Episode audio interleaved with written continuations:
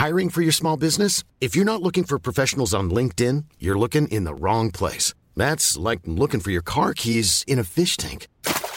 LinkedIn helps you hire professionals you can't find anywhere else, even those who aren't actively searching for a new job but might be open to the perfect role. In a given month, over 70% of LinkedIn users don't even visit other leading job sites. So start looking in the right place. With LinkedIn, you can hire professionals like a professional. Post your free job on linkedin.com slash people today. Hey, Dave. Yeah, Randy. Since we founded Bombus, we've always said our socks, underwear, and T-shirts are super soft. Any new ideas? Maybe sublimely soft. Or disgustingly cozy. Wait, what? I got it. Bombus. Absurdly comfortable essentials for yourself And for those facing homelessness. because one purchased equals one donated. Wow, did we just write an ad? Yes. Bombas. Big comfort for everyone. Go to bombas.com slash ACAST and use code ACAST for 20% off your first purchase.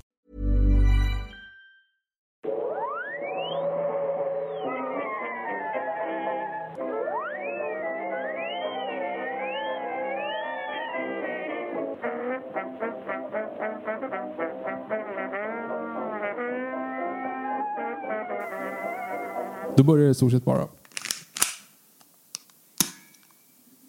Känner du igen det där? Det lät som en fjäder.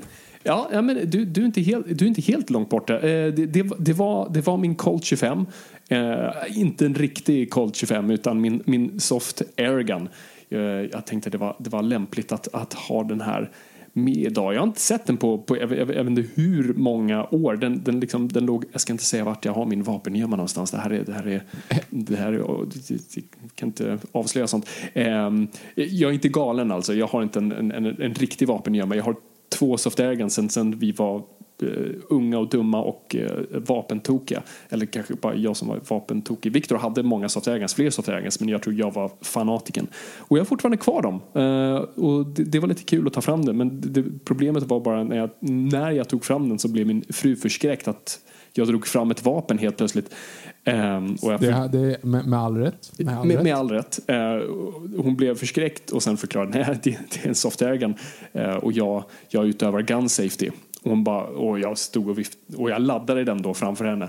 Och hon bara, åh herregud, vifta inte kring den sådär, det kan vara en kula i. Och jag bara, "Pff, nej, det är inte ingen kula i. Och så avfyrade jag en kula i soffan för jag, för jag agerar gun safety och det var en kula i.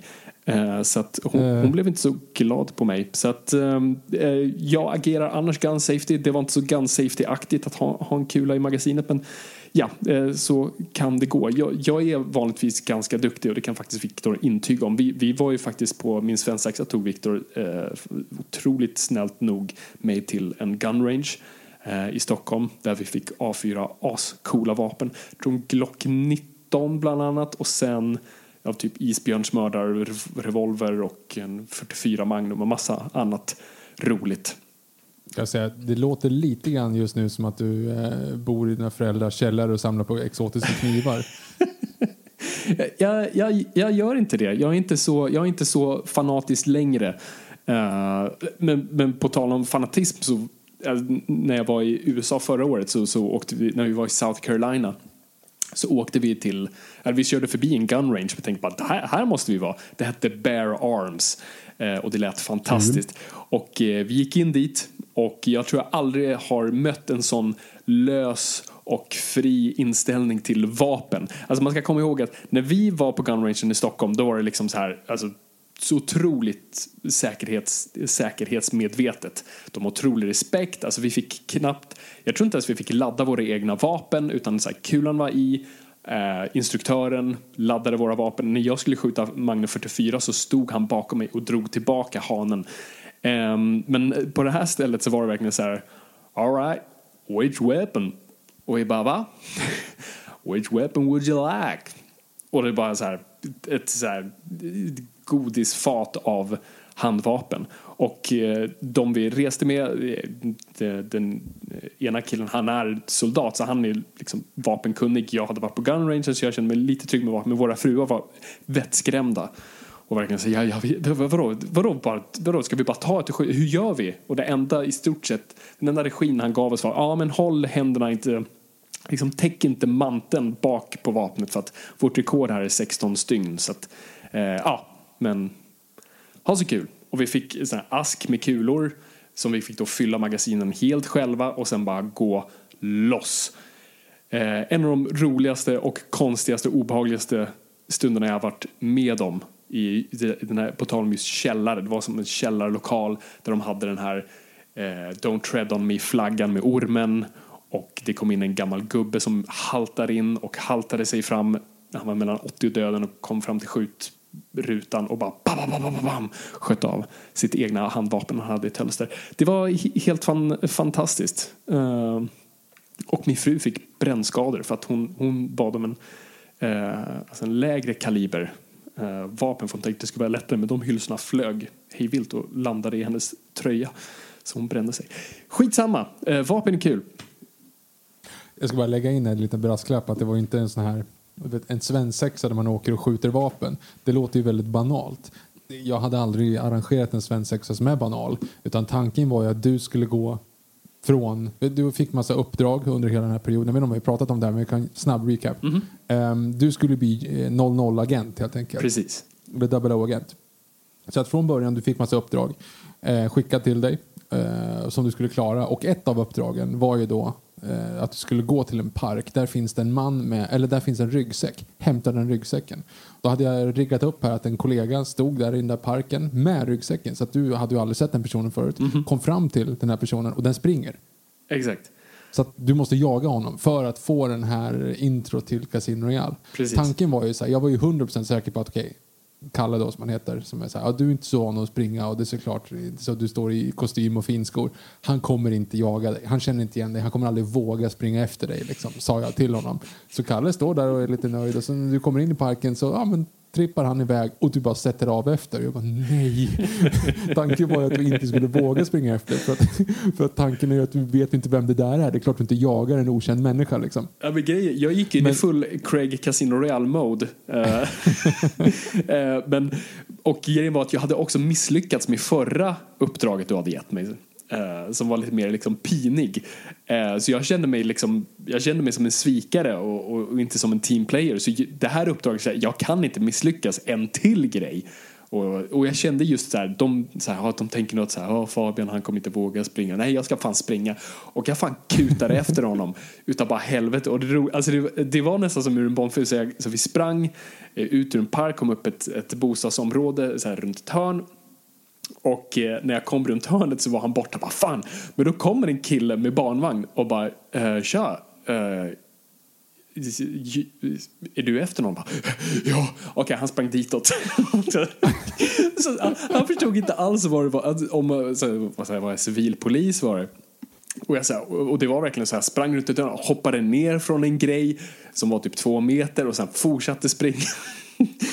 Uh, stackars din vän, jag ber så hemskt mycket om ursäkt. Och jag fångade honom, men på grund av att det inte var planerat så hade han bara typ kastat väskan i någon jävla buske. ja, han gömt den i soptunnan. och det var ju ingenting i väskan, det var, det var ju bara grejer. För tanken var att du skulle misslyckas. Mm. Ja, precis som pratat... i Casino Royale. Exakt, och då så skulle du få, då hade du fått ett inspelat, jag hade förberett ett inspelat eh, meddelande då från en, en kvinna som låter som M mm. som då skulle säga då att du har misslyckats, du har förlorat din 00 eh, status. agentstatus. Och sen dagen efter då, så skulle du, du skulle bli jätteledsen, sen dagen efter kom vi in och väckte dig och då skulle vi få dig att ta tillbaka din 00 eh, license. Exakt. Vilket då gjorde att först, vi, klockan liksom åtta på morgonen så skulle vi iväg på värsta crossfit-passet för att du skulle bygga upp dig kroppsmässigt. Jag fick kramp i foten. En, ja, du, du, tyckte inte att det var så kul. Eh, du fick en, en, smoking på det efteråt och så fick du åka Aston Martin till lunchen mm -hmm. och sen då efter lunchen skulle du åka ut till den här skjutbanan för att du skulle lära dig ja, vapen såklart. Eh, så det var ju inte så här, det var ju ett tema. Det var inte bara åh nu åker vi ut och skjuter grejer grabbar. Wow! Fattar! Nej, gud, Utan det var liksom. Det var verkligen ja, supergenomtänkt. Ja, alltså det, var, det, var, det var genomtänkt, exakt. Jag ville bara för, lägga in en mm. brasklapp här. Sen åkte vi in till stan. Då fick du 500 spänn och sätta på svart i, eh, på Casino Cosmopol. Du går in, sätter 500 spänn på rött och förlorar. Det men det var ju ganska roligt, för du kan ju berätta när du kommer in där i eh, säkerhetsspärrarna ja, på Casino Cosmopol. Uh, jag har för mig att vi kan ha berättat det här, men skitsamma. För ni som inte hört det. Så att, jag ska gå in då på Casino Cosmopol. Jag får ta med mig en.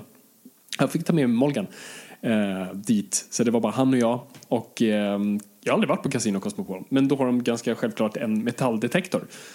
Eh, och när vi då står där så inser vi båda att vi har hylsor i fickan. För vi tyckte det var lite coolt att vi har skjutit de här vapnen så vi vill ta med oss hylsorna därifrån och vi fick det. Så bara, åh fuck! Så att eh, Molgen var ut först och den bara pip, pip, pip, pip, pip. Och snubben så då bara, ja, töm dina fickor. Han tömmer sin mobiltelefon, sina nycklar och sen, och man lägger det på ett litet fat de har där som han, den här vakten håller fram och så bara lägger han en handfull av hylsor.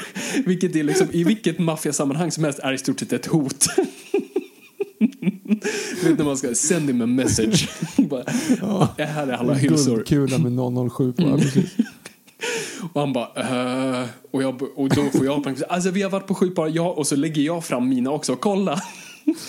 vi har varit på sju, och det är liksom enorma jävla hylsor också från det här björnmördarvapnet. Och alltså det blir så konstig stämning och han bara ah, okej, okay, ah. och så vi, vi fick gå in ändå för att det var bara så weird. Och jag stod i smoking också, vilket var, och Molgan gjorde inte det. Äh, det var så konstigt. Och alltså vilken deprimerande plats Casino Cosmopol. Har du varit där inne Viktor? Nej, jag har varit där inne. Alltså det var, det, alltså det är ju Svenska Spel som äger och de är inte uppmuntrat till spel. Och jag förstår det i det sammanhanget. Alltså det är ju det mest tråkiga och icke-välkomnande lokalen du kan vara i. Det var kinesiska turister överallt. Det är ingenting att det var konstigt och tråkigt, det var, det var bara ett faktum. Eh, och det var bara ett jätteweird plats att vara på. Ah, och sen så kom vi då till eh, roulettebordet där jag lägger allt på, ah, vad det nu var, rött. Och eh, förlorar. Så att eh, det, jag känner mig mer som Ian Fleming än James Bond.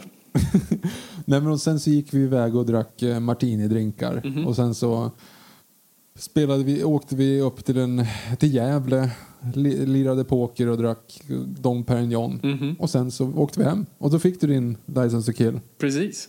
Jag har, fan kvar, jag har kvar eh, hylsorna och eh, markerna från, eh, från kasinot och Dom Perignon. Nu bor jag inte optimalt för att men det ska bli som en liten så här, litet hörn där jag har de här uppställda.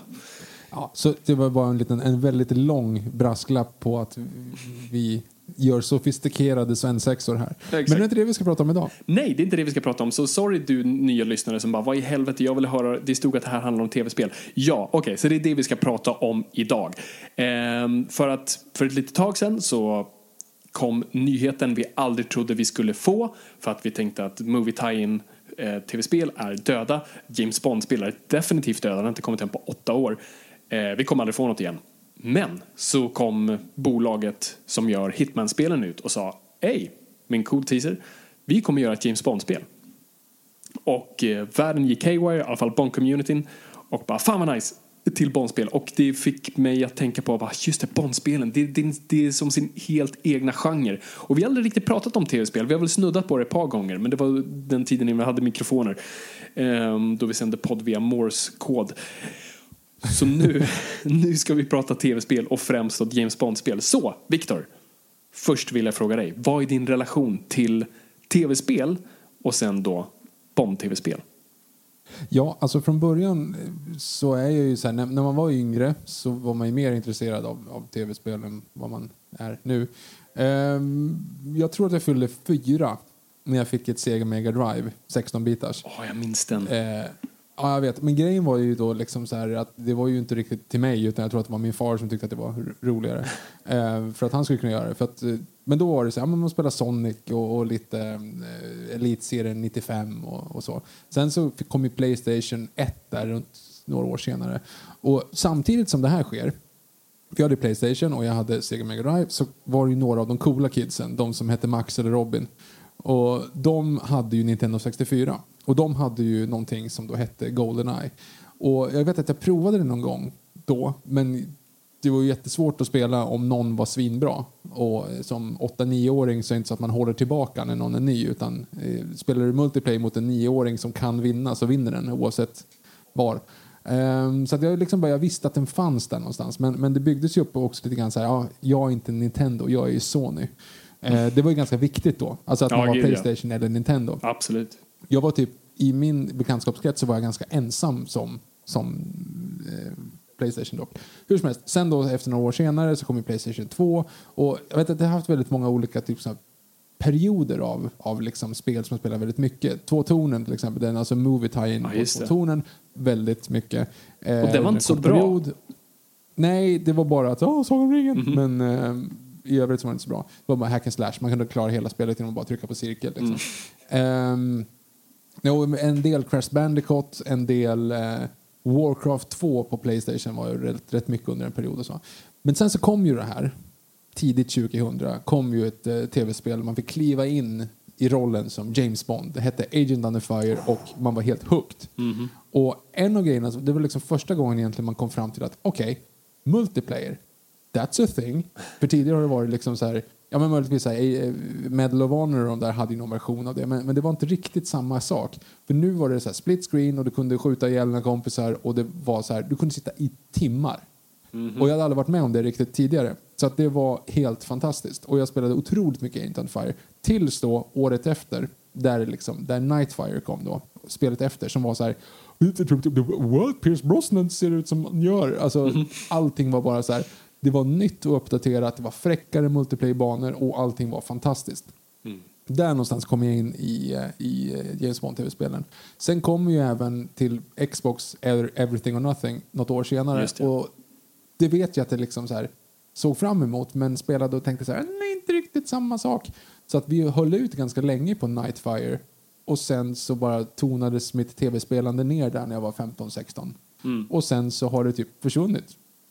Egentligen. Ja. Fram tills jag nu för något år sedan då när jag fick en eh, eh, Playstation 4 av min fru. Eh, och eh, jag har så här, vet, vissa, två, kanske två gånger i månaden så är det så här, jag kan sätta mig ner och hinna spela någon timme Fifa. Eller nu när, eftersom man spelar online, så har man ju också fått gratisversionen av Star Wars Battlefront. Jävlar i havet vad coolt det är.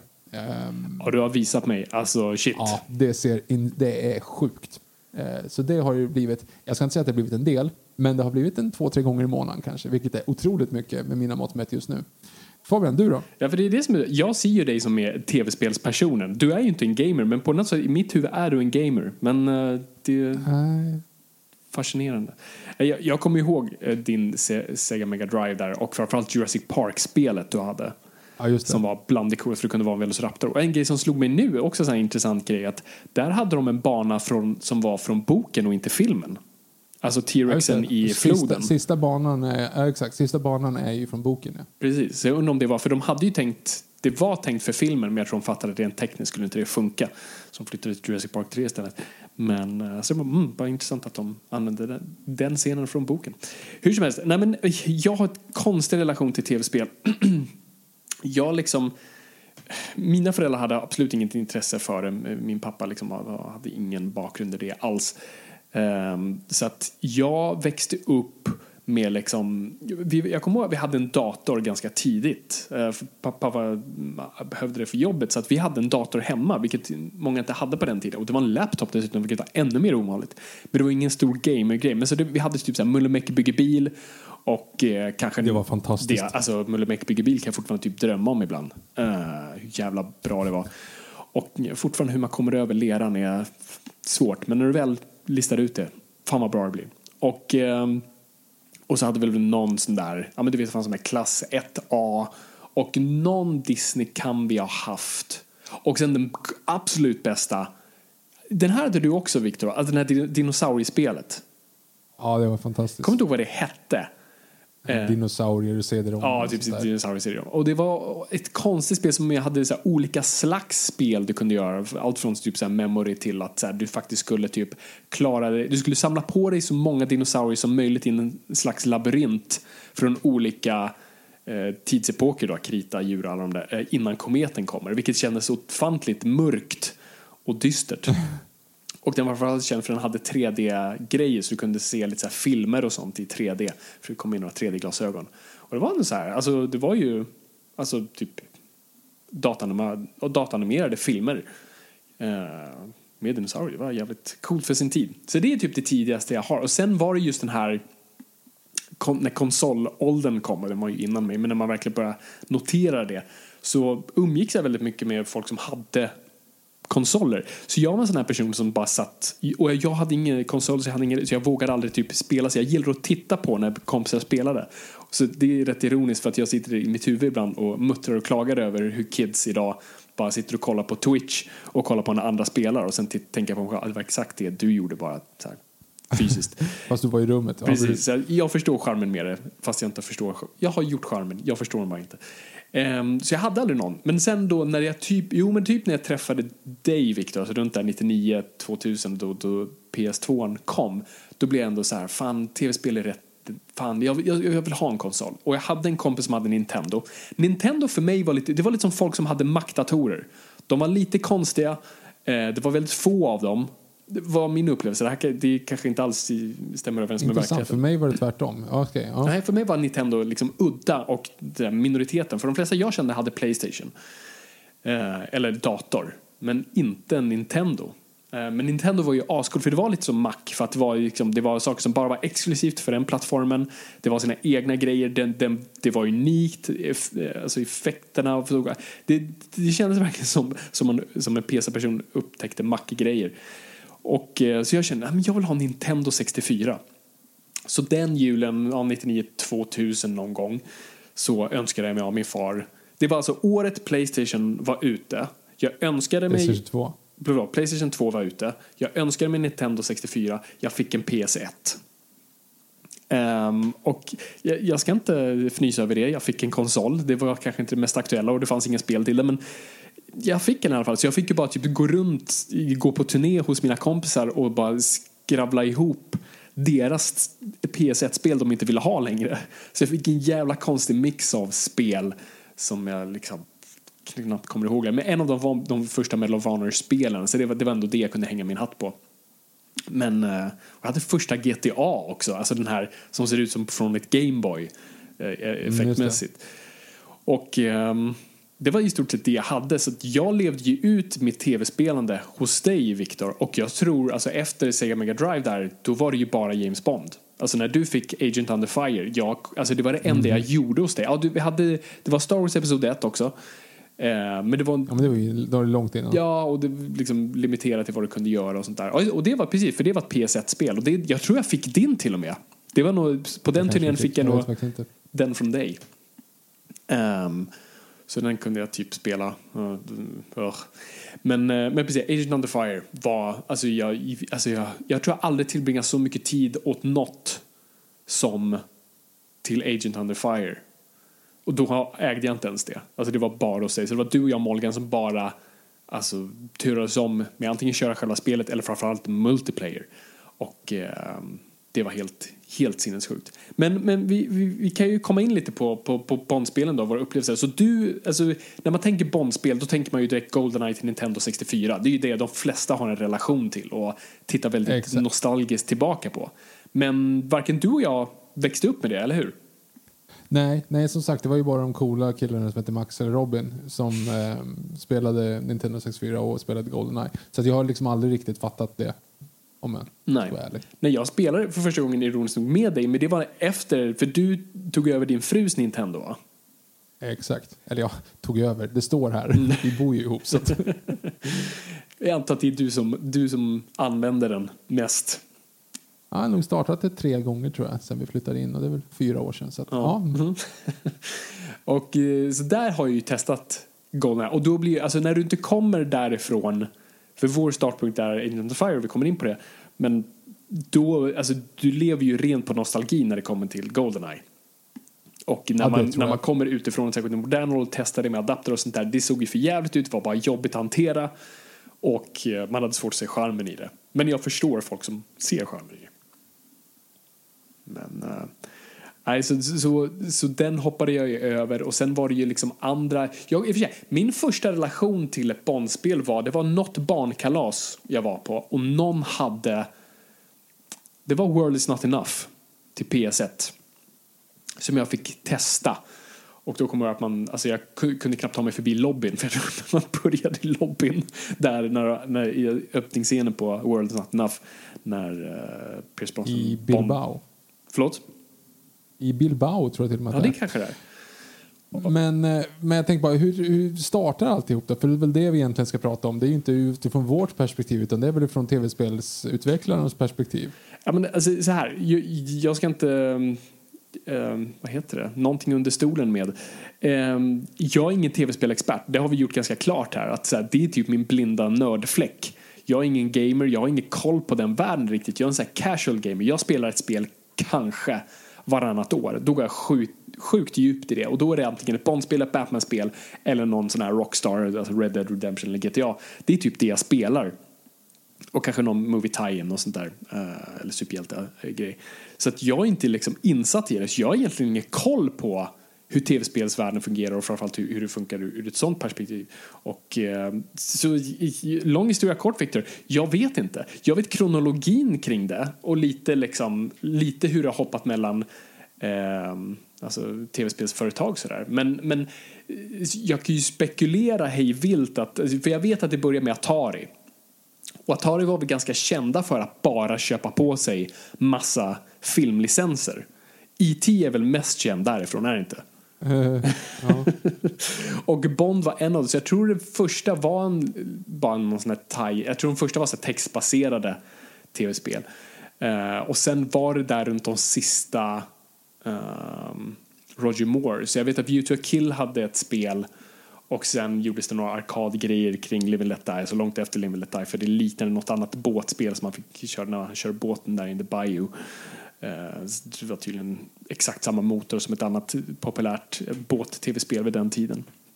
Så Bond har egentligen funnits sedan starten av tv-spel, vilket är jävligt ballt att man använder det. Men man liksom kunde inte riktigt knäcka den koden för att säga hur gör, hur, alltså poängen med ett Bond-tv-spel är att du ska känna dig som Bond och det gör ju inte riktigt i en textbaserad form eller liksom så här hur många bit ett sånt där tv-spel är med sina pixlar. Alltså, du får inte känslan Bond när du knappt ser konturerna av en smoking eh, som bara går... Fast det beror ju på. Då fick man nog det. Alltså, men det var nog så nära man kunde komma. Back. Ja, men du har ju sett Empire Strikes Back-spelen. Jo, men där, eh, kunde ändå, liksom, liksom, Star Wars kom ju ändå med så, ja, men så länge jag får typ ett lasersvärd och en laserpistol så här, känns det typ Star Wars. Bond är så mycket mer än bara ett shoot em up-grej, för det var egentligen det de tidigare var. Att, så, ja, det, det var egentligen ett filter som är då att han har smoking på sig och sen skjuter. Och det kändes aldrig riktigt som Bond. Um, så de testade en massa koncept. Det kom från Gameboy också. Det kommer jag ihåg att någon, någon i skolan vi gick hade James Bond-spelet uh, i Gameboy såg ut som Pokémon i stort sett, och vilket inte heller ger Bond-känslan. Eh, och det är ju egentligen inte förrän Nintendo och Goldeneye kommer, vilket är ironiskt att den jag tror Goldeneye som vi ser som en movie tie-in, den kom två år efter, alltså den kom när Tomorrow Never Dies kom, så kom det, det spelet. Eh, och den förändrade ju hela Alltså både i form av hur vi ser på Bond-tv-spel, alltså allting mäts med den fortfarande. Och tv-spel överlag. Jag för, jag för mig, och det är tillbaka till min icke-expertis, i det här avsnittet är vi bara älskare och inte experter. Men jag får mig att det är, det är en av de första multiplayer-spelen som, alltså med en sån här delad skärm och sånt där, kan ha varit någonting innan, men som verkligen revolutionerade det och tog det till en helt annan nivå. Och tydligen var det bara för, från skaparnas håll var det typ en sista minuten-grej de la till för att sa, ah, okay, vi, vi gör väl det antar jag. Det var ingenting de hade lagt fokus på, men det var ju det som blev hela grejen med Goldeneye. Visst, du hade spelet allt det där och huvudstoryn, men multiplayern blev ju, blev ju grejen med att sen kunna vara mm jag antar att det kunde vara skurkarna då, ja just det, man, Oddjob, alla blev arga på den som var Oddjob.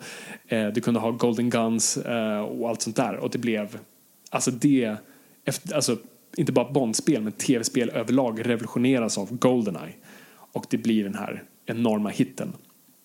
Och, eh, men ironiskt nog gör inte de någon, någon mer Bondspel har jag för mig. För sen blir det Tomorrow Never Dies som blev eh, var, blev tredje person, så den också bara dödade hela det konceptet, eller inte dödade men tog bort det som på något vis gjorde franchisen känd i sitt medie var liksom första persons perspektivet. Men det tog de tillbaka sen i uh, The World Is Not Enough. Um, som också blev väldigt försenad va? Jag tror alla de där spelen kom typ två att, I alla fall Tomorrow Never Dies kom också typ väldigt långt efter. Jag kan tänka mig att The World Is Not Enough kanske var lite tätare. Nej, men det var väl det som var problemet. För du, när du ser World is not, för den, jag har för mig att det är World is not enough. Eh, det finns ju en trailer med Desmond Llewellyn när han sitter och spelar ett spel. I, alltså, och då är det så här, och den, den var väl på VHS har jag för mig. Ja, det är liksom hela grejen. Men, men det du ser på skärmen där kom, blir aldrig av för att det spelet skrotades och sköts fram. Så det, liksom, det kom, jag får att det kommer om något år efter också.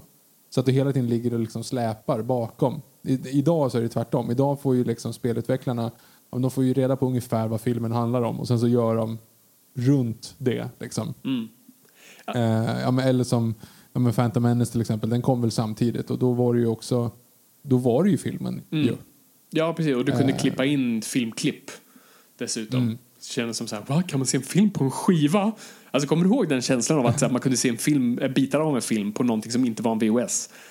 Eh, Ja, det var så, konstigt så gamla är vi. Alltså, men också bara konceptet kring movie tie-ins, hur fascinerande det var. Alltså när vi växte upp, då var det, alltså det var, du bara antog, kommer en stor film så kommer ett tv-spel. Vi, Ja, ja, ja, gud, och det är en ålder vi inte lever i idag. Idag är den död, men det var liksom standard. Och vissa var skitbra, och de flesta var skit. Alltså, tänk på så här Mumien spel och sånt där. Alltså hur mycket sånt, alltså vad, vad spelutvecklare, det måste varit guldåldern, på ett kreativt säkert inte, men för cashflow och bara produktion. Så här, en film kommer, ja, det ska vara tv-spel. Det spelar ingen roll. Och vissa kunde vara grymma. Alltså jag tänkte till exempel på Spiderman-spelen. Första spelet var väl så här helt okej till första Spiderman-filmen. Och andra Spiderman-spelet är ju också lite som så här Goldeneye i form av så här, det revolutionerar hela spelet och det är någonting som folk inte ens hade förväntat sig. Jag tror inte filmbolaget hade förväntat sig ett sånt spel. Jag tror inte alltså, publiken hade förväntat sig så här, ett open world-game i Spiderman som nu också är standard i och med de nya Spiderman-spelen till, eh, till de nya konsolerna. Men då var det så här, va? Kan jag vara Spiderman och jag har typ hela New York för mig själv? Eh, det var ju hur ballt som helst. Men, men sen bara dog movie tie-in bara, det kändes som över en natt. Och jag vet inte, när kom det senast en movie tie-in? Kom det ens någonting Ja, det- till Hobbit? det- Nej. Jo, Lego. Lego har ju tagit över Ja, men ja, i och för sig, Lego det har, det har rätt Lego typ gör det Mm. lite. Men det är typ egentligen bara Star Wars, Jurassic Park. det är det de typ gör. Det känns inte som Mm. det är så många stora franchises de, de tar över. Men eh, på vår tid var det ju liksom, det var så tv-spel var. Och jag kan tänka mig för liksom lika hardcore-nördar är det som så här att säga de enda filmerna jag ser är Michael Bay-filmer. Eh, det fanns säkert, och det fanns, alltså det fanns riktigt bra tv-spel på den här tiden, alltså vanliga tv-spel. Men jag tror de jag noterade var, var movie tie-ins. Och, och där är det ju särskilt sant med Bond. Och jag tror efter World is not enough så har vi en ganska intressant lucka. För jag för mig där kommer, spelar du någon gång 00 Racing? 007 Nej. Racing? Nej, det gjorde jag Nej, inte. nej, inte jag heller. Jag, jag vet att folk hatar det spelet. För det var, man tror att det är ett racingspel med, med Bondbilar, men där, utan det är liksom banor där du liksom så här, backa in i den här grejen och ta den här grejen och sen ska du ta den här grejen och du fick inte välja dina gadgets och det var bara jätteirriterande. Alltså tänk, tänk dig som Sagan om två tornen-spelen fast med en bil. Ja. ja, hack and slash fast... Ja, precis. Och det är liksom, du, du är som på en bana, inte racingbana utan en bokstavlig bana. Säga du, ska, du kunde lika gärna gått igenom det men har en bil istället. Jätteweird. Men, men, men franchisen alltså revolutioneras när, alltså för efter World is not enough så tar ju EA över. Eh, som jag har förstått är djävulen inom tv-spelsvärlden. Eh, men på vår tid var ju EA lite, då var ju det prestige. Det var väl kanske, Ja, alltså, det var, ju den man kände till. jävla kvalitetsmärke. Ja, gud ja. Ja. Vad, vad var det mer de gjorde med den här? Gjorde de fotbollsspelen och sånt där? Vad, vad, vad, gjorde- vad... Ja, men det gör de ju fortfarande. Men eh, jag tror att du tänker på SSX, Snowboard. För den var ju den vi hade. ja, Den det. spelade vi mycket också. Och de gjorde to- två tornen också, visserligen. De hade ju eh, Sagan ringen-licensen också. Just det. Ja, det kändes som de hade alla stora licenser, vilket jag antar att de fortfarande har. De har ju Star Wars nu och de har väl en massa andra stora grejer och eh, folk hatar dem av någon anledning. Jag tror det är för att de tar betalt för precis allting. Vilket jag antar att Mm. du... Mikrotransaktioner. Ja, precis. Och bara, du måste köpa till massa grejer hela tiden för att få he- hela upplevelsen.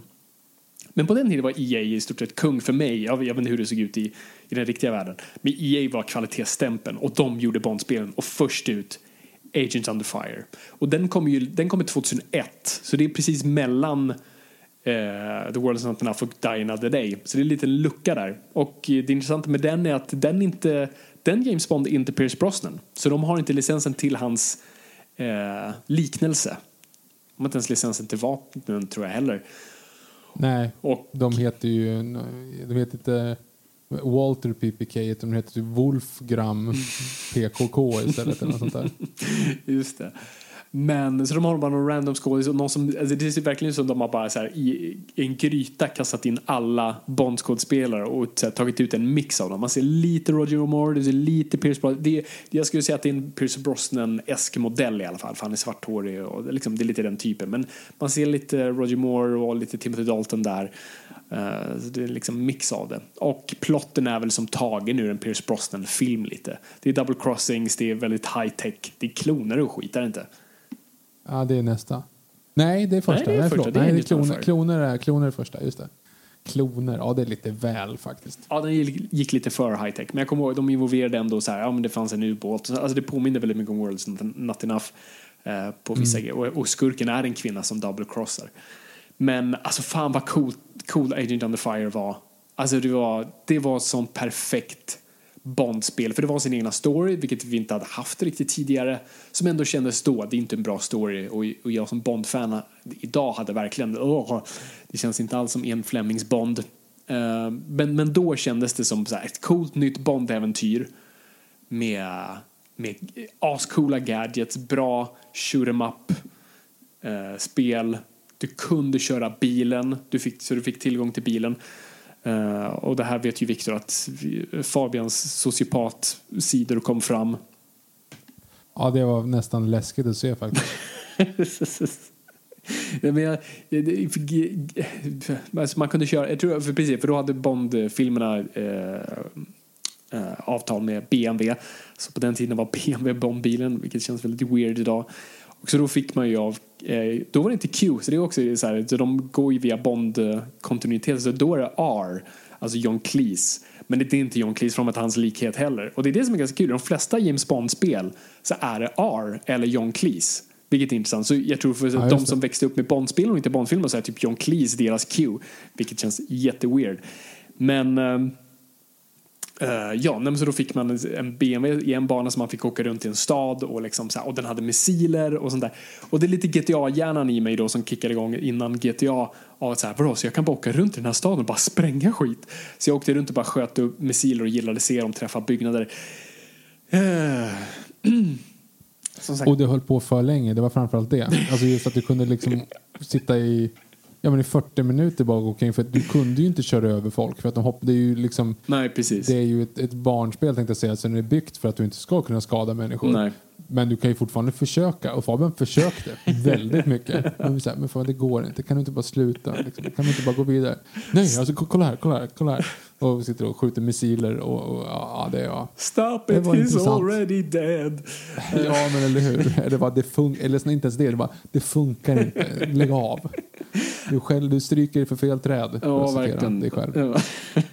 Nej, det var väl lite eh, frustrationer jag, jag tog ut på det där tv-spelet eh, innan sånt fanns i GTA. Ja, nej, det var, det var weird. Jag, jag, jag medger det. Men, men det var just den här frihetsgrejen och bara, fan vad coolt det här var. Men eh, nej, det var, var ett sånt jävla bra spel eh, vad det var då. Och, och framförallt, sen, alltså, multiplayern var helt fantastisk. Det kunde vi köra timmar på timmar på timmar. Och det, Ja, det plockar det- vi fram någon gång varannat år, Viktor, och fortfarande kör.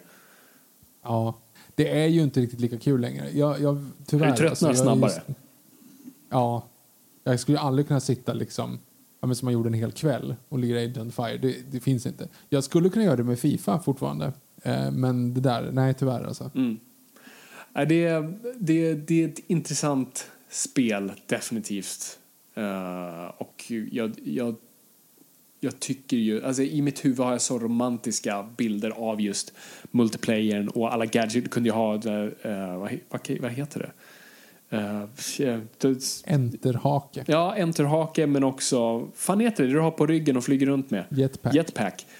Eh, och det var superkul. Och Molgan var ju såklart bäst på allt, så han Men han är alltid bäst. Ja, men han, han är ett psycho på sitt sätt just att han kan gå liksom Rainman, Rainmana in på någonting. Behöver inte ha mycket team i det och så blir han bäst på det. Så han kunde alltid bara snipra ner oss, så han var tråkig att spela med. Men äh, jättekul när man väl äh, dödade honom för han hade ag- aggressionsproblem så han blev väldigt upprörd. Men äh, han lyssnade inte på det här, jag kan säga vad jag vill om Molgan.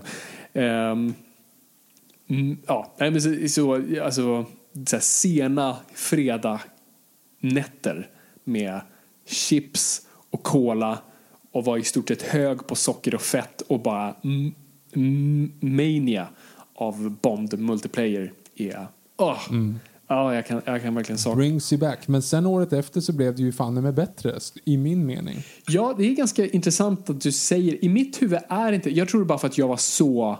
Det var lite som att så här, det var som att jämföra med sin, sin käresta.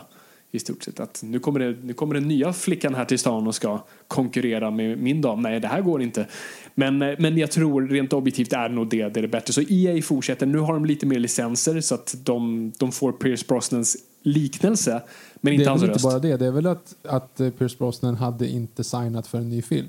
Det var inte klart. Det var väl egentligen det som Ja, var det kan grejen. ha varit det. Absolut att de inte visste För om... att han, och det är därför de har ju, de hade ju gjort ehm, som jag förstått det så hade de ju samma modell som det var i Agent of Fire skulle ju vara även i, i ehm, Nightfire. Men sen ganska sent in i processen så kommer de på det att oh shit, men nu får vi ju använda Pierce ju. Mm. Så då har de liksom i efterhand animerat in Pierce Brosnans ansikte. Men de har fortfarande inte hans röst. Så att, mm, ja, men det- hans utseende Och det är ganska kul för jag har för mig att de, har, gör- de gör en cameo med den förra Bond-modellen som spelar en så här skurk som dör i en helikopter lite snabbt. Just det. så att de fick ändå in den. Nej, precis. För, att, för den här skulle ju vara typ som en direkt uppföljare för att det finns referenser till Agent Under Fire. Ja, CIA-agenten karaktär. Ja, ja. eh, från hon tjejen som är en CIA-agent, dubbelagent tror jag, i Agent Under Fire dyker upp igen och sånt där. Så det skulle ändå vara lite kontinuitet mellan dem. Och det som ändå var nice med den här var att jag tror att den hade, vilket den förra absolut inte hade, en gun barrel-sekvens. Men framförallt hade den en låt och en titelsekvens. Pre-titles. Eller, ja. Eh, med, så bara det kändes också som en helt, alltså för ett Bond-fan och för ett tv-spel, alltså bara shit vadå? En hel låt och en helt koncept kring, en, kring ett Bond-spel. Fan vad mycket krut de lägger på det här. Och, men spelet var ju i stort sett en rip-off, eller rip-off en, en, en, en fri, en, fri inspirerad av Moonraker. ja, just det. Det var ju egentligen den plotten. samma plott. Ja, exakt. Ja, I alla fall mot plott. slutet. Det- Den är ganska annorlunda i uppbyggnad och sånt där. Det är ju inte alls på samma ställen som, som, som den filmen är. Det är bara egentligen sista akten är Aha, den här snubben ska bygga raketer upp, eh, och sen förgöra jorden och bygga sitt egna harem uppe i rymden. Eh, och du har de klassiska laserpistolerna därifrån. Men det var ett jävligt bra spel det också. Den multiplayern har vi också kört sönder och den är väl, skulle man argumentera, den är bättre. Jag har bara en mer romantisk bild till Agent Under Fire. How would you like to look five years younger? In a clinical study, people that had volume added with Juvederm Voluma XC in the cheeks perceived themselves as looking five years younger at six months after treatment. Look younger, feel like you. Add volume for lift and contour in the cheeks with Juvederm Voluma XC. Reverse signs of aging by adding volume to smooth laugh lines with Juvederm Volure XC. For important safety information and to find a licensed specialist, visit juvederm.com. That's J U V E D E R M.com. Not for people with severe allergic reactions, allergies to lidocaine, or the proteins used in Juvederm. Common side effects include injection site redness, swelling, pain, tenderness, firmness, lumps, bumps, bruising, discoloration, or itching. There's a risk of unintentional injection into a blood vessel, which can cause vision abnormalities, blindness, stroke, temporary scabs, or scarring. Talk to a licensed specialist to find out if it's right for you. I'm Sandra, and I'm just the professional your small business was looking for. But you didn't hire me because you didn't use LinkedIn jobs. LinkedIn has professionals you can't find anywhere else, including those who aren't actively looking for a new job but might be open to the perfect role, like me. In a given month, over 70% of LinkedIn users don't visit other leading job sites. So if you're not looking on LinkedIn, you'll miss out on great candidates like Sandra. Start hiring professionals like a professional. Post your free job on linkedin.com/people slash people today. Even when we're on a budget, we still deserve nice things. Quince is a place to scoop up stunning high-end goods for 50 to 80% less than similar brands. They have buttery soft cashmere sweaters starting at $50, luxurious Italian leather bags, and so much more. Plus, Quince only works with factories that use safe, ethical, and responsible manufacturing. Get the high-end goods you'll love without the high price tag with Quince. Go to quince.com slash style for free shipping and 365-day returns. Ja, nej men du, framförallt kunde du ha bottar. Det kunde du inte ha på Just ja. Agent Under Fire. Och du kunde vara. Oddjob och Jaws och alla de där. Ja, exakt. Ja, just det. De hade ju de gamla karaktärerna. Mm. Nej, för där kunde man ju liksom, i Ain't Under Fire, om du var ensam barn och hade Ain't Under Fire, då var det så här, jaha, okej. Mm. Men eh, Nightfire kunde ju faktiskt sätta, sätta, gäng, sätta igång ett gäng liksom, bottar som du kan spela multiplayer med ändå. Liksom. Ja, precis. Och För det det, här barnet innan internet, så att du, var du själv så var du själv. precis. Och, och, exakt. och det var ju också kul i multiplayer-aspekten också. Att, man kunde, att vi två kunde vara på lag och sen bara skjuta loss Ja, på precis. bottar. Ja, det, det, det var en helt fantastisk helt fantastisk spel. Och det som också var nice var att de hade nu hade de ju en deal med Aston Martin så du fick köra hans Aston Martin. Jag tror även du fick köra Lotusen från eh, Ja, var, du kunde låsa upp den. Ja, du kunde låta upp Lotusen från uh, The Spy Who Loved Me, vilket var jävligt coolt. Ja, men det var Men efter det här... Det, ja, Jag vill bara- ja, jag vill här kast- kändes ju som en... Ja. Jag vill kasta in något mitt emellan där. För att jag, för, för här, jag har ju fortfarande mitt Playstation 1. Alltså jag har mitt Playstation 1 fram till 2011. För då, då, då flyttade jag hemifrån och skaffade min Playstation 3. Men vi kommer dit. Ehm, men, så, men däremellan så får jag ändå, också ironiskt nog, jag får din PC. Jag vet inte om du kommer ihåg det. Jag hade din PC. Hade du? Ja. Jaha, jag kommer inte ihåg. Jag fick ärva din PC för ni, fick någon, ni köpte någon bättre grej. Och ni skulle bara göra av med den. Och jag var där och bara Please sir, could I have some more? Eh, så jag fick hela Ja, din jag PC. Vad sa du? Det har jag förträngt. Ja. ja, nej, jag hade, kommer du ihåg på, eh, på Dalagatan, alltså min dator jag hade där? Jag Nej. hade en dator ett tag på mitt rum. Jaha, nej. Nej, det, var, det var din PC. Eh, så jag, för första gången hade jag en PC och jag kunde, typ, jag kunde spela på den. Men, men det, det var också det var lite äldre, eller det var mycket äldre än vad det som, som fanns då. Så det fanns inte så mycket spel som var kompatibla med det. Men jag hade ett tv-spel som min pappa hade fått för typ en herrans massa år sedan, eller några år sedan, i en goodiebag. Som bara hade legat på en hylla och jag bara kom ihåg, bara, vänta, just det, det där är tv-spel.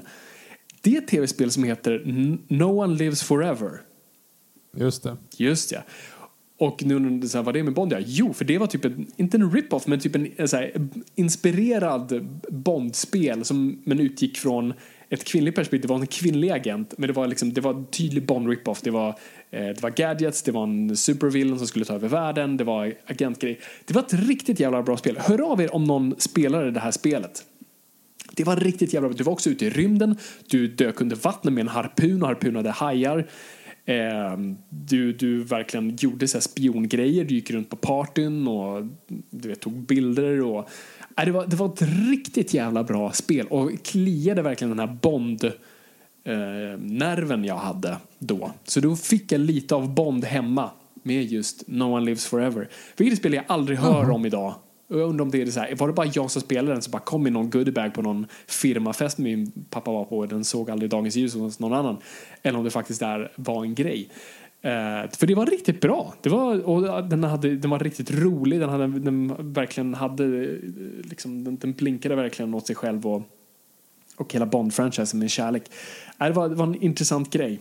Uh, så den vill jag bara kasta in där. För, för sen dör lite min, min Bond, eller den dör i några år och sen plockas den upp igen. För att sen, du ska vara Xbox nu. Exakt, och nu kommer vi in i en intressant period för att Xboxen kommer ju in i ens liv.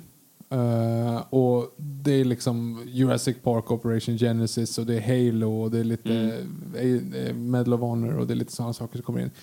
Men så kommer det ju också ett Bondspel. Ja. Och jag kommer ihåg redan då så här, aha, jag är inte, varför är inte jag så taggad på det här? Liksom? Vi har Nightfire, vi har Interfire, det kommer ett nytt som ska vara fräckt. Så, ja, men vi måste, jag måste ju skaffa det oavsett. Och det är Pierce Brosnan är tillbaka. Och nu har de slagit på stora trumman. För det första så är det liksom, Pierce Brosnan är tillbaka, han har också rösten. Ja. Heidi Klum är med, Willem Dafoe Ja. är med. Eh, vi har liksom eh, M såklart, Judi Dench. Alltså, de har liksom anställt riktiga skådisar som spelar.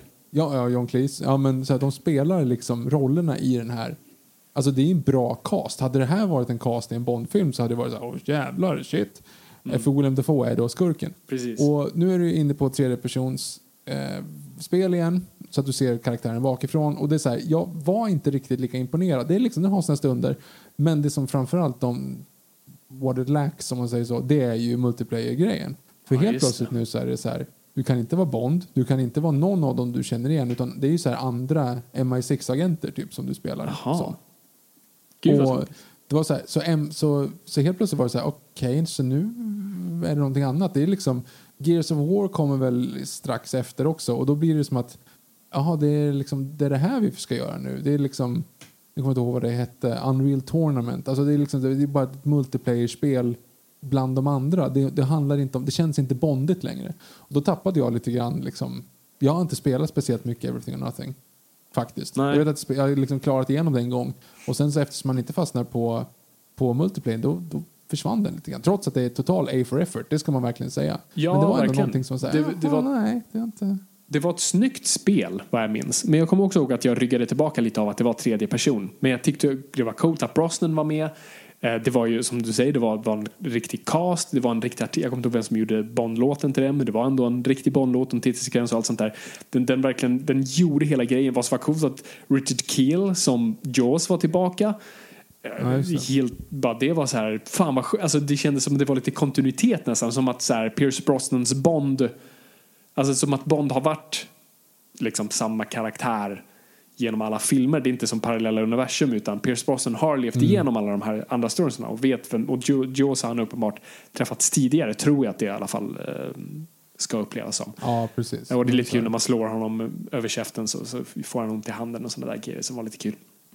Ja, men det, var, det var som Ja. du säger, A for effort verkligen. Och det var lite liksom, man väl säga att det, det är väl EA-trilogin. Den av, ja, EA fortsätter väl ett Nej, tag. det, kommer en, det kommer en till. En till EA. För där är ju så här, för den, den fick ju liksom, de, det sålde ju skitbra. Identifier sålde skitbra, Nightfire sålde skitbra. Everything and Nothing sålde också bra men inte lika bra. Och då tänkte de väl, då blir de väl lite byxis där. Och så tänker de, nej men hur ska vi nu göra? För Det var alltså first person vi ska gå mot. Men vi kan, ska vi fortsätta? För nu är ju Pierce Brosnan ute i bilden nu. Japp. Efter det här. Så då är det så här, okej vi har inte rättigheterna till någon Bond. Det finns ingen, vi kan liksom, vi vet inte vem som kommer spela Bond, vi vet inte om det kommer en ny Bond-film eller när den kommer. Vi måste försöka hålla Bond-franchisen levande utan någon skådis egentligen. Hur fan gör vi då? Jo, men då rip-offar vi, eller liksom vi, vi spelar lite grann på den där eh, som var väldigt poppis på 90-talet. De döper ett spel till Goldeneye och släpper Just ett. Bond-spel som heter Goldeneye Rogue Agent. Och då ska man alltså vara du ska alltså vara en skurk, du är en gammal Men är du 00 Alec som-? Trill, Nej, nej, nej, nej, det är någon annan. Liksom. Ah, ja, du är någon annan. Eh, men de har ju liksom byggt in då att då är du istället du är skurk istället för du är en double agent som går över till andra sidan. Du går rogue och du jobbar för Goldfinger tillsammans med Pussy Galore för att stoppa Dr. No. Oj. Och det här blev och det är alltså vad fan heter han? Inte Kevin McClory. Vad heter han som designar Ken Adams? Mm, Jo, han som designar. Han är med och liksom designar alla banor. Och du Va? vet, det är jättemycket sådana saker. Ja, ja. missat.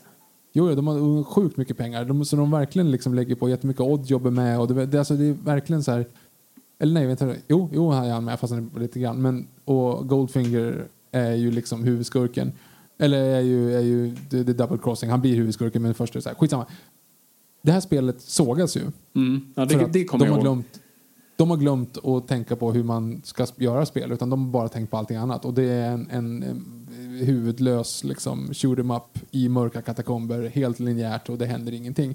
Jag kommer att jag provade det och var verkligen så här okej jag, var- jag är inte ens intresserad av det här ens. Mm. Ehm, för att de var som att de spelade jättemycket på fanboysen men de glömde bort att de måste göra kvalitet också. Mm. Ehm, och jag vet att den här går ju, det här blir ju en flopp.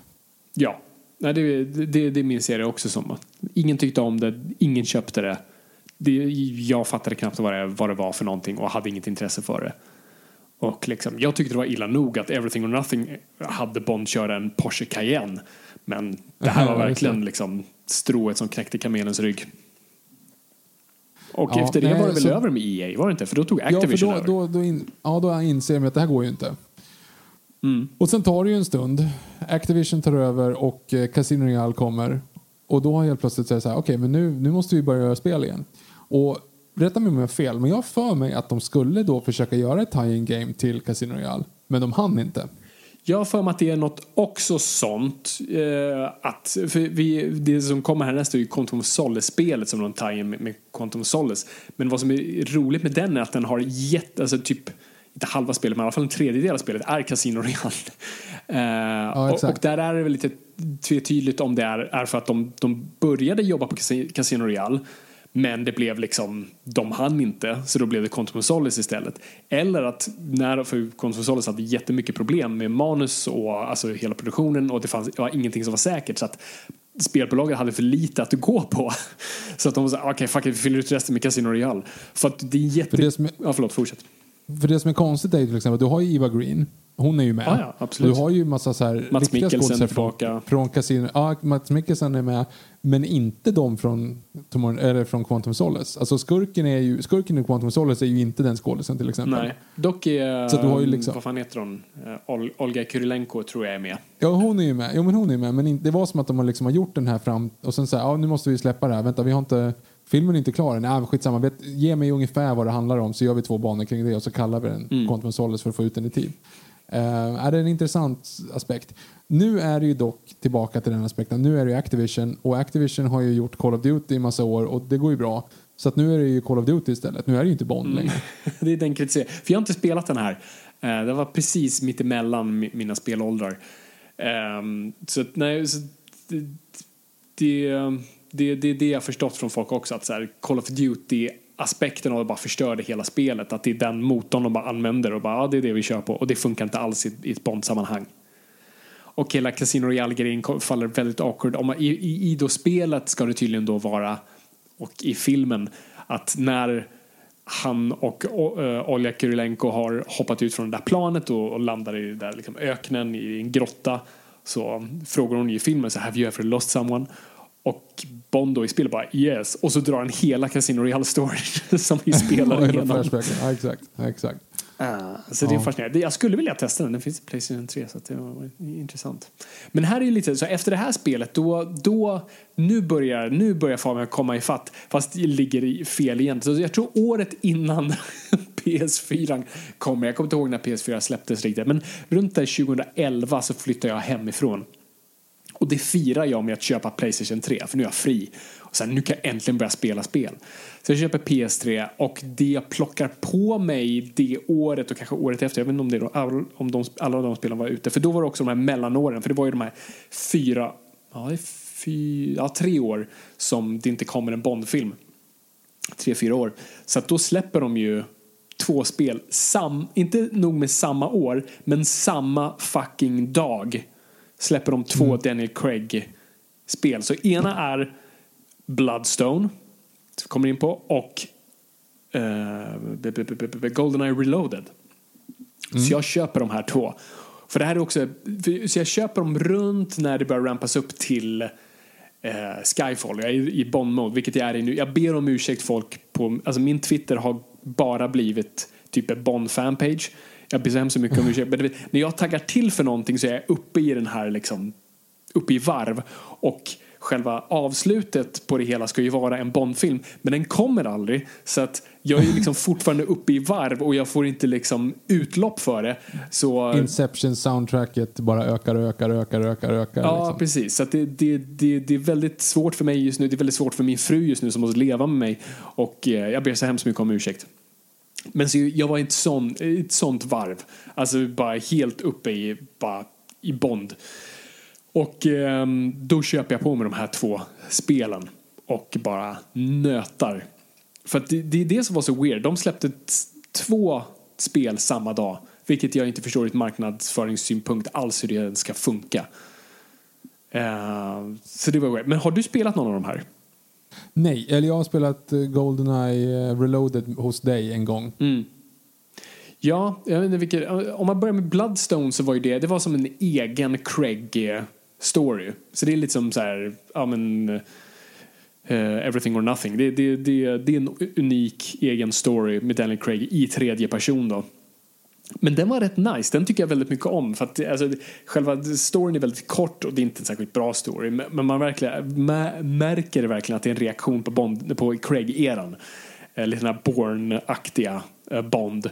Så den är väldigt, liksom, den är väl, jag ska inte säga brutal, men det är väldigt mycket att du kan liksom slåss och slåss med nävar väldigt brutalt som, som Craig gör och det känns verkligen. Du, alltså det är det jag gillar med Bloodstone, det är inte en bra story, Eh, det är tredje person vilket inte är fördelaktigt, men du får, det är det, vad den gör är precis det man vill att ett Bond-spel ska göra, som Agent of Fire Knife, att du ska känna dig som Bond och den verkligen kanaliserade Craig på ett väldigt bra sätt. och Craig gör rösten och Judi Dench gör röst. Och eh, ja, men du, du fick verkligen känslan av att så här, det här känns som Quantum of Solace historia på, på, på det goda sättet. Du, du känner dig som en arg Bond som bara går och köttar. eh, knäcker folks nackar och ja, men bara agerar väldigt brutalt. Och Craig är som inte alltid är på topp av his game när han gör röst eh, uh, skådespeleri. Men där är han faktiskt väldigt bra. Och du får köra Aston Martinen i några banor, både uh, DBSen och DB5, vilket är nice. Utan gadgets, så det är lite synd, men du får ändå köra dem, vilket är jävligt nice. Eh, du har ganska coola eh, såna här, vad kallar det, bullet time. Eh, de, det, är, liksom, det är en ganska rolig spin på hela gun barrel-grejen att du kan vinna upp gun barrels så att du kan göra precis som man ser Bond gör i starten på varje film, att du kan väldigt snabbt bara göra ett headshot. Eh, för att du har, liksom, du har byggt upp till att kunna få göra det. Och eh, jag har spelat den väldigt många gånger om och om igen för jag tycker den är väldigt underhållande och den har väldigt nästan Goldeneye-aktiga banor och sånt där och det, det, det, det, är nästan, det känns nästan som en Goldeneye-plott. Eh, jag gillar den som satan. Det är inte ett perfekt spel någonstans men för ett Bond-fan så känns den jävligt nice. Uh, och sen kom ju då Goldeneye Reloaded vilket var ett väldigt konstigt spel. För det skulle ju på något vis flirta ännu en gång med Nintendo-publiken. Som så här, kommer ni ihåg Goldeneye? Nu gör vi den fast vi gör, vi gör en remake. Det kommer vara typ den känslan. Men vi har Craig i huvudrollen istället. Och vad jag har förstått från fans är inte riktigt där man tar vissa banor och typ gör en liten, man känner igen vissa saker men det är inte alls så nära. Och eh, den mer riffar på filmen i ett Craig-filter och mm. eh, den är helt okej. Okay. Jag tycker det, alltså, så här, för mig som det man kändes mer lik en Agent Under Fire på så vis. Bara så här, åh vad kul med en modern first person shooter som ändå är liksom, i, i ett modern kontext med modern grafik och sånt där. Den är underhållande. Den har inte samma omspelningssyfte. Liksom, jag har inte spelat om den lika mycket som, som Bloodstone. Men den är ändå, och det är kul att det finns multiplayer och sånt där. Du kan köra det själv också. bara kötta loss. Um, och det finns liksom lite underhållande aspekter med det. Så det, det är en kul grej att ha. Uh, som jag ser fram emot. Alltså, nu när vi pratar om det så är det så här, fan, jag skulle nog vilja plocka fram den och bara spela, spela en runda. För det är kul med klassiska gamla shoot'em up-spel som bara är enkla och inte så jävla komplicerade. Det är väl så jag ja. känner. Jag har ju inte provat de här då. Um, jag tycker att det känns som en billig rip-off att försöka göra liksom, det där som alla älskar igen och bara liksom, rebranda det. Mm. Men, men. Men, men. men sen, kom, sen kommer ju en till där de på tal om att försöka göra en rip-off på folk som på saker som, de, som folk älskar. Mm. Det sista, det senaste spelet. Eller vi har glömt ett spel. Vi har glömt från Russia With Love förresten. Oh, just det. Shit. Ja, så det är, det är F. Det är, hmm, är det mellan... Mella, mellan Rogue Agent och Quantum of Solace. Ja, just det. Innan, nej, då hade vi fortfarande ingen Bond. Ju. Nej, och då exakt. var vi tvungna att göra någonting annat. Så då tydligen, enligt rykten så sägs det att de, tanken är att göra en, först tror jag en till sån här bara Agent on the Fire-aktig ansiktslös Bond. Sen så funderar de på att göra en, en remake på, tror det är The Spy Who Loved Me, och använda sig av Roger Moore. Och det är det de börjar liksom konstruera. Men sen tydligen så kastar de ut frågan, bara ser med uh, Sean Connery om han skulle vara intresserad av att återvända som Bond. Och det här är ju då, alltså som vi vet med Sean Connery, vi har pratat om det i ett hyfsat nytt avsnitt, att han vände ju verkligen ryggen på James Bond-franchisen och var inte pigg på att prata om det och ens liksom kopplas till det. Han var inte under vid den här tiden särskilt. Men om någon anledning säger han ja. Ja, jag skulle, skulle vara intresserad. Och det är för att han har barnbarn antar jag, så att han tycker det är kul att göra någonting som de skulle uppskatta. Och då bara ändrar, jag antar att det fortfarande då är, är det EA fortfarande då? Det är det va? Jag vet faktiskt jag tror det.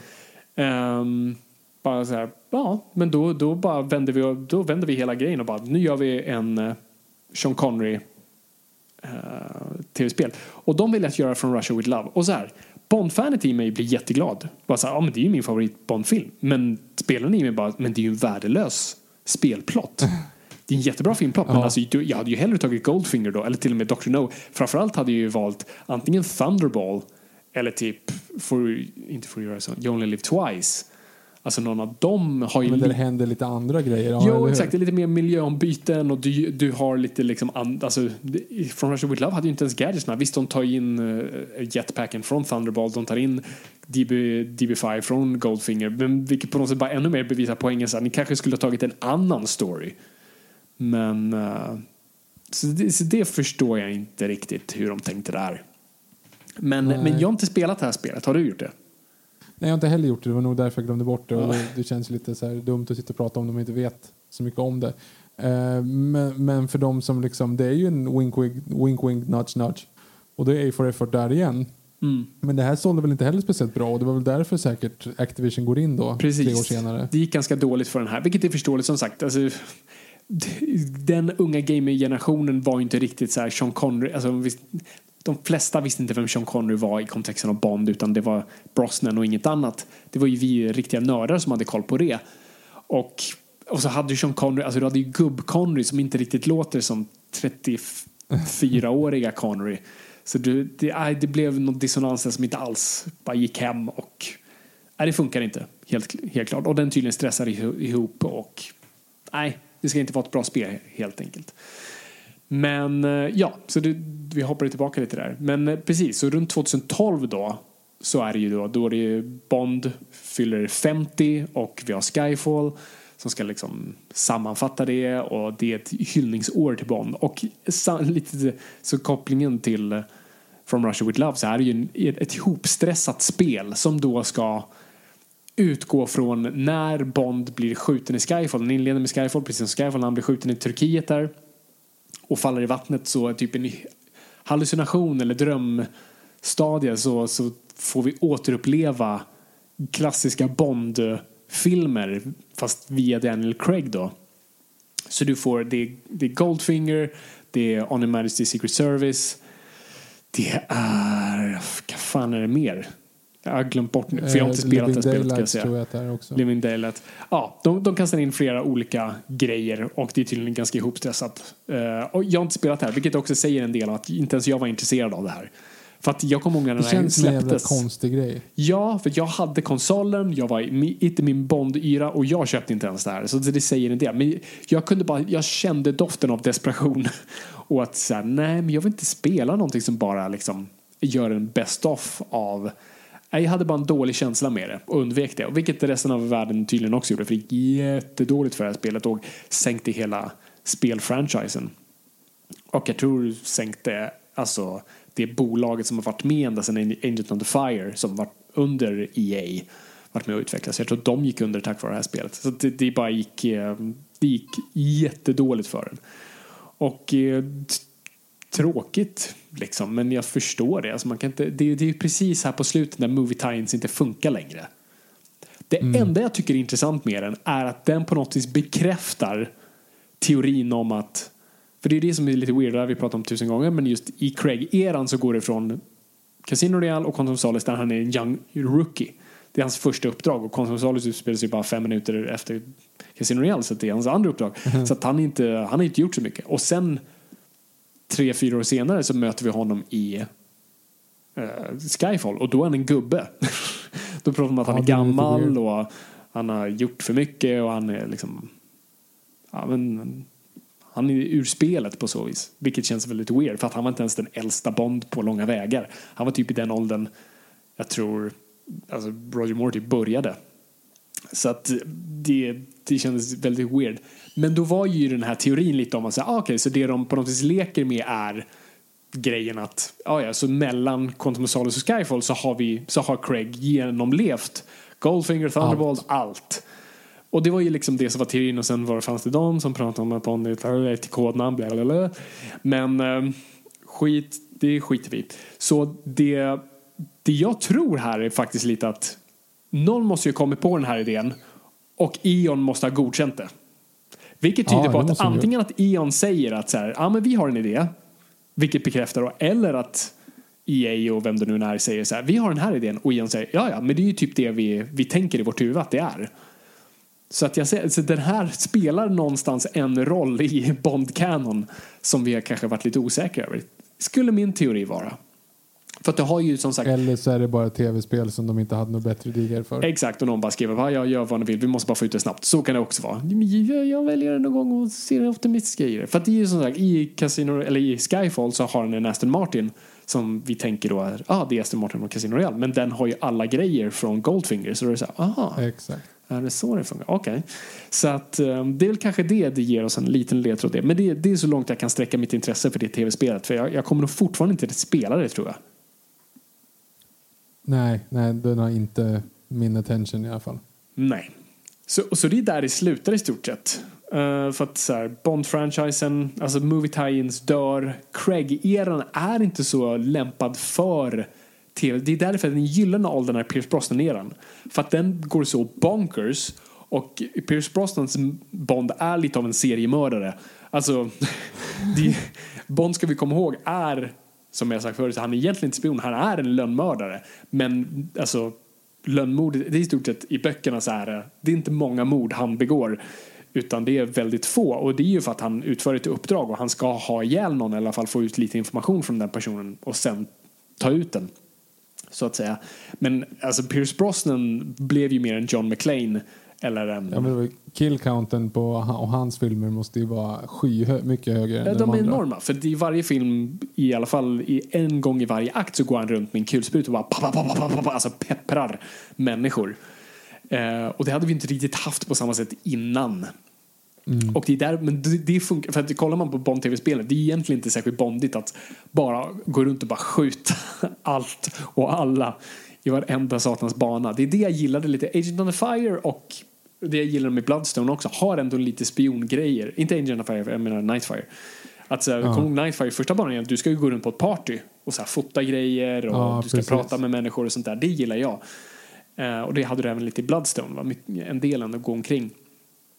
Och, ehm, så det, men, men det är väl det, tv-spelsmässigt är det inte alla som gillar det. Så Pierce Brosnan-eran är perfekt för tv-spel. Craig-eran är lite weird. Också för att Craig-eran går i, i liksom, kollar man på tonen som Bloodstone har, den stämmer ju inte överens kanske nu över post-Skyfall-filmerna. Men det var liksom det Bond-filmerna utlovade då. Att det här var mer en rå, Bourne-aktig, uh, eh, ja, down-to-earth-grej. Så, nej, så det, det är en weird period. Så det är inte så konstigt att det, kom, inte, det inte kommer några fler tv-spel. Dels för att det gick så dåligt för den och movie tie-ins är döda.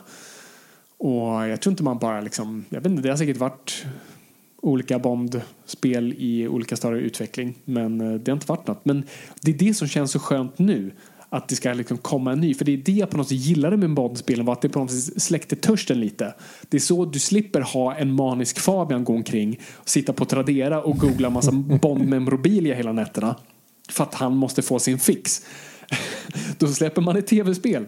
Så att man kan vara så här tagga ner lite. Och det är det jag är glad för nu. Vi kommer få No Time To Die så småningom.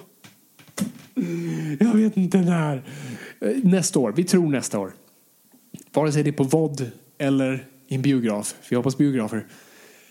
Eh, så det, och sen kommer vi uppenbart ha en lucka för att Craig är över. Kommer vi ha en längre paus? Vi vet inte. I vanlig tradition brukar det vara det. Mest för att någon stämmer Eon. Det brukar, I klassisk tradition stämmer någon Eon. Och de hamnar i något konstigt rättsdrama. Där de måste liksom bara eh, advokata sig ur det hela. Vi får se om det dyker upp nu. Eller om det bara är liksom i, i heder till Craig som ändå har varit den längst eh, gående Bond-skådespelaren trots att han inte har gjort så många filmer. Eh, så kanske man inte vill spotta ut en Bond-film med en ny skådis precis runt hörnet. Men samtidigt känner jag så här, vi har väntat så jävla mycket på Craig-filmerna. Så jag, är fakt- jag ska inte ha några problem att två år efter uh, No Time Die faktiskt släppa en ny Bond-film med en ny Bond. Vi behöver inte andas, vi har andats tillräckligt. Men till min poäng. Jag är jätteglad att det ska komma ett Bond-tv-spel mellan filmer. Och det här pekar på att det här kommer ju troligtvis vara den första sen Agent on the Fire som inte har en Bond kopplad till sig. Jag tror inte de kommer använda Craig. Ja, det blir det väl. För det här, nej, nej, det går inte. Det här spelet kan ju vara någon sån här origin story säger de. De är inte hur långt tillbaka. Vilket gör mig också lite nervös. Grejen med Bond är att han alltid ska vara en veteran. Kollar du på Casino Royale, även då är han en veteran. Fast han är ung och dum och ny så är han ändå liksom, um, så här, hans bakgrund är fortfarande väldigt diffus och vi vet inte riktigt, har han varit i armén, i så fall hur länge var han liksom, hur allt, jag behöver inte se honom träna. Men det känns ändå som om det är någonstans man ska utforska. Jag vet att serietidningarna har gjort det. Jag har inte velat titta på någon från serien sen Bond går på boarding school som pojke. Och så här, nej, jag, jag, I like, vad är det Patton Oswald säger liksom, I like the things I like, I don't want to, liksom, jag vill inte veta var, liksom, var saker kommer ifrån. Det är en av de Mm. bästa stand-up-grejerna. Har, har, du, har, har jag visat dig den?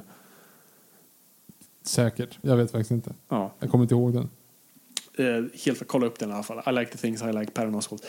Ehm, så vi får se hur långt tillbaka den går. Jag hoppas så här, det får vara typ agentträning. Jag kan sträcka mig så långt tillbaka. Bara så här, hur, hur man får sin double O-status. För det är det. Där skulle du kunna möta upp det. Du skulle kunna komma upp till Casino Royale typ. För i boken och Casino Royale så är det ju för att förtjäna din 00-status så måste du ha dödat två personer in cold blood. Um, och i boken är det på ett annat sätt än vad det är i filmen. Men där skulle du kunna liksom jobba dig upp till typ bokebond. Så här, de två morden är dina sista grejer. Och det coola är ju som vi nämnde att det här spelbolaget som för övrigt är svenskt eller danskt-svenskt.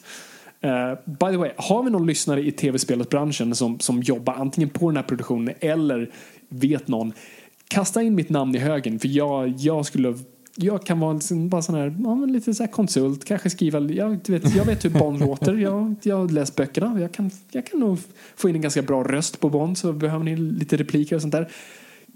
I'm available. Jag har skrivit Bamse, I know what I'm doing. Hur. Eh, nu babblar jag bort mig. Just det, jo, men spelbolaget det är ju de som gjort Hitman-serien. Nu har inte jag spelat Hitman, för det var också bara så här, de som hette Robin och Max och eh, hejade på AIK och åkte skateboard, det var de som spelade Hitman-spelen. Det var lite för vuxet för mig.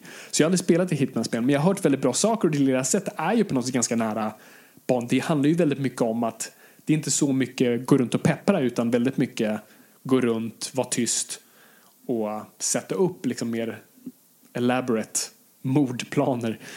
Eh, och det skulle jag ju verkligen gilla i en Bondfilm för jag är lite trött på pepprandet och jag gillar som sagt i de spelen där man måste gå runt och göra lite spiongrejer och vara lite undercover och jag älskade Bondspelen där man ju skulle gå alltså och mörda folk tyst när du skulle ha din silencer på och, och inte utlösa larmet. Det var ju typ de bästa banorna tyckte jag. Så att eh, det, bo- jag är ju riktigt taggad på vad det här kan vara för någonting och vad det kan ge. Och just att den kommer vara utanför någon form av film. Jag tycker det är bra. Vi behöver inte ha en tie-in. Vi behöver bara ett så här coolt nytt Bond-äventyr. Ja, vi får, se, vi får se vad det landar i. Jag, är- jag är så sjukt taggad. Hur känner du Viktor? Är det här det som kommer få dig att plocka upp din kontroll igen? Nej, tyvärr. Alltså, jag är inte riktigt där än. Jag, jag, nej. Nej. Och jag är lite, så jag är lite, med, nej, men jag är lite medveten om att jag, att, jag kommer miss, att jag missar ut på ganska mycket spel. Och folk pratar om så här, ah, men det är så coolt det här och det är Minecraft och Fortnite och allt vad de pratar om som alla tycker att man ska testa.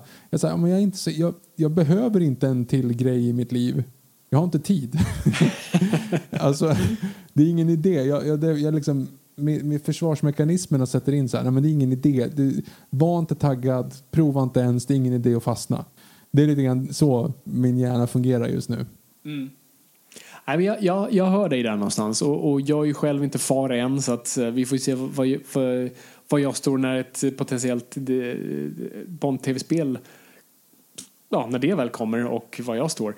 Eh, jag tror ändå jag kommer, nog, jag kommer nog fortfarande vara just den här gamern som jag alltid lite varit att jag är väldigt selektiv och när jag väl sen skaffar det så går jag all in på det och håller på ett jävla bra tag och sen släpper jag det och sen spelar inte jag på två år. Och jag gillar lite att ha den relationen till tv-spel. Att jag inte behöver haka på. Som nu, jag är ju väldigt taggad på Spider-Man. Alltså jag har fan, än en gång, så här, jag har fortfarande med PS3. jag missade PS4-vågen. Så det är lite lämpat nu att jag ska skaffa ett PS4 när PS5 har kommit. Det känns lite on-brand för mig. det är så det fungerar. Så om ja, det är precis. någon, där, någon ojpoddare som har en PS4 står dammande i källare så I'm available. För jag måste spela i fatt eh, Arkham Knight, jag måste spela i fatt eh, Red Dead 2 och första Spider-Man. Och, och sen kan jag nog, 2035 kan jag nog skaffa mig ett PS4. Fem. Lagom Jesus. till, Playstation, ja, lagom till Playstation 11 kommer. Mm. Exakt. Eh, så att, jag hoppas ändå att jag, jag vill inte tappa den biten. För jag tycker tv-spel är ett sånt fantastiskt medie när det väl används väl. Och jag, alltså jag, jag älskar just nya medier och när du verkligen liksom använder det väl. Jag älskar att så här, uh, Josef Fares, eller förlåt, Fa nej, jo, Josef Fares. Inte Fares Fares. Jag blandar ihop de bröderna. Mycket Faresar. Vem är regissören? Det är Josef va? Josef Fares. Han gick över till tv-spel. Han sa ju att så här, nej men film är dött. Eh, Jag kan inte göra det jag liksom vill här. Så han gick över till tv-spel. Och eh, det tycker jag är jävligt coolt. Och jag skulle någon gång vilja ha chansen att få spela, eller spela, få skriva på tv-spel. Det hade varit fantastiskt att skriva ett manus för, som Paul Dini skrev Arkham-spelen. Alltså manusfattare kan spela eller skriva riktigt bra tv-spel. För jag tror inte Paul Dini har enorm erfarenhet av just tv-spel. Utan han skrev ett jävligt bra manus som med spelutvecklarna som man sen kunde då översätta. Det, eh, det skulle jag tycka var skitkul. Så att, eh, nej men jag, jag, jag är skittaggad på nästa. Jag kommer stå först i kön. Ja just det, det gäller ju då att jag har en PS5. Men den lär inte komma ändå förrän om två Det är år. något år kvar. Ja, Ja, men alltså, de, de gick ut med den nu. Och då sa de att de, är liksom, de har gått in i aktiv produktion. Och jag tror i tv-spel, ni gamers får rätta mig där ute, men tv-spel går ju inte lika snabbt som film att göra. Så att, och om två år är det också 60-årsjubileet på Bond-franchisen, vilket känns väldigt lovande att, att släppa, ja, precis, att släppa tv-spel. Så att jag tror, vi ser på det runt 2022. Så att ehm, vi får se vad jag har för konsol då. Då kommer jag tvingas att köpa en, en, en PS5. Så att eh, jag har två år på mig att spela igenom PS4-katalogen. Det känns bra. Det känns bra. Det är bra plan. Ja. Eh, ja, nej, jag, jag, jag tror vi har det där. Jag tror det också. Ni får jättegärna höra av er på atnoipod på olika sociala medier om vi sa fel eller, eller om ni tycker att det var bra eller om ni har någonting att tillägga och som vanligt om, om vi har nå, någonting som vi säger, har vi sagt fel eller eh, har vi provocerat någon så vet ni vart ni ska mejla. Exakt. Vad, vad var mejladressen, Viktor? jan.geo.expressen.se Exakt. Och eh, hör, hör av er till mig om någon spelade No One Lives Forever eller om jag bara är själv. Ja, just det. Om det är någon mer som hade en pappa som gick på den firmafesten. Kanske en konspirationsteori. Det, det har aldrig existerat egentligen. det, var, det var en feberdröm 2002. ja, Nej, det, det, det är fint. Vi, vi kommer komma tillbaka innan jul. Med, eh, vi tänker avsluta året med en härlig Q&A som, som vi vet att ni gillar. Så att ni får jättegärna börja, börja skicka in frågor. Annars vi kommer göra en, en notering när, när ni annars ska ställa frågor. Så att ni behöver inte vara oroliga. Men eh, det är det vi tänker och eh, vi, vi kommer ta ett värdigt farväl av det här hemska året. Och eh, vi kommer satsa stenhårt på nästa år. Vi har massa coola, nice ämnen i pipelinen. Och eh, jag ser fram emot det som satan. Och jag ser fram emot att sitta i samma rum som dig, Viktor. Ja, just det, den lilla detaljen. Nej, det, det är ju inte riktigt samma grej, alltså att sitta separat måste man säga. Nej, men det känns lite som sen gamla goda tider. När man, när man hade så här, tre timmars samtal med sin bästa kompis på telefon. Lite som vi Ja, kunde det. ha typ när du pluggade i Örebro. Ja, Så lite tillbaks till det. Så det, det funkar, men fördelaktigt att, att sitta, sitta ihop. Helt klart. Exakt. Det kommer vi göra igen. All right. Ska vi bomma igen det här? det gör vi. All right. Tack så jättemycket för att ni har lyssnat. Det är kul att vara lyssnat. Men kom ihåg folk, ingenting är för nördigt.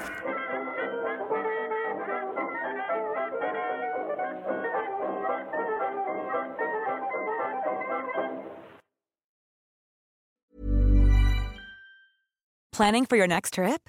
Elevate your travel style with Quince. Quince has all the jet setting essentials you'll want for your next getaway, like European linen, premium luggage options, buttery soft Italian leather bags, and so much more. And is all priced at 50 to 80% less than similar brands. Plus, Quince only works with factories that use safe and ethical manufacturing practices. Pack your bags with high-quality essentials you'll be wearing for vacations to come with Quince. Go to quince.com slash pack for free shipping and 365-day returns. Mom deserves the best, and there's no better place to shop for Mother's Day than Whole Foods Market. They're your destination for unbeatable savings, from premium gifts to show-stopping flowers and irresistible desserts. Start by saving 33% with Prime on all body care and candles. Then get a 15-stem bunch of tulips for just $9.99 each with Prime. Round out Mom's menu with festive rosé, irresistible berry chantilly cake, and more special treats. Come celebrate Mother's Day at Whole Foods Market.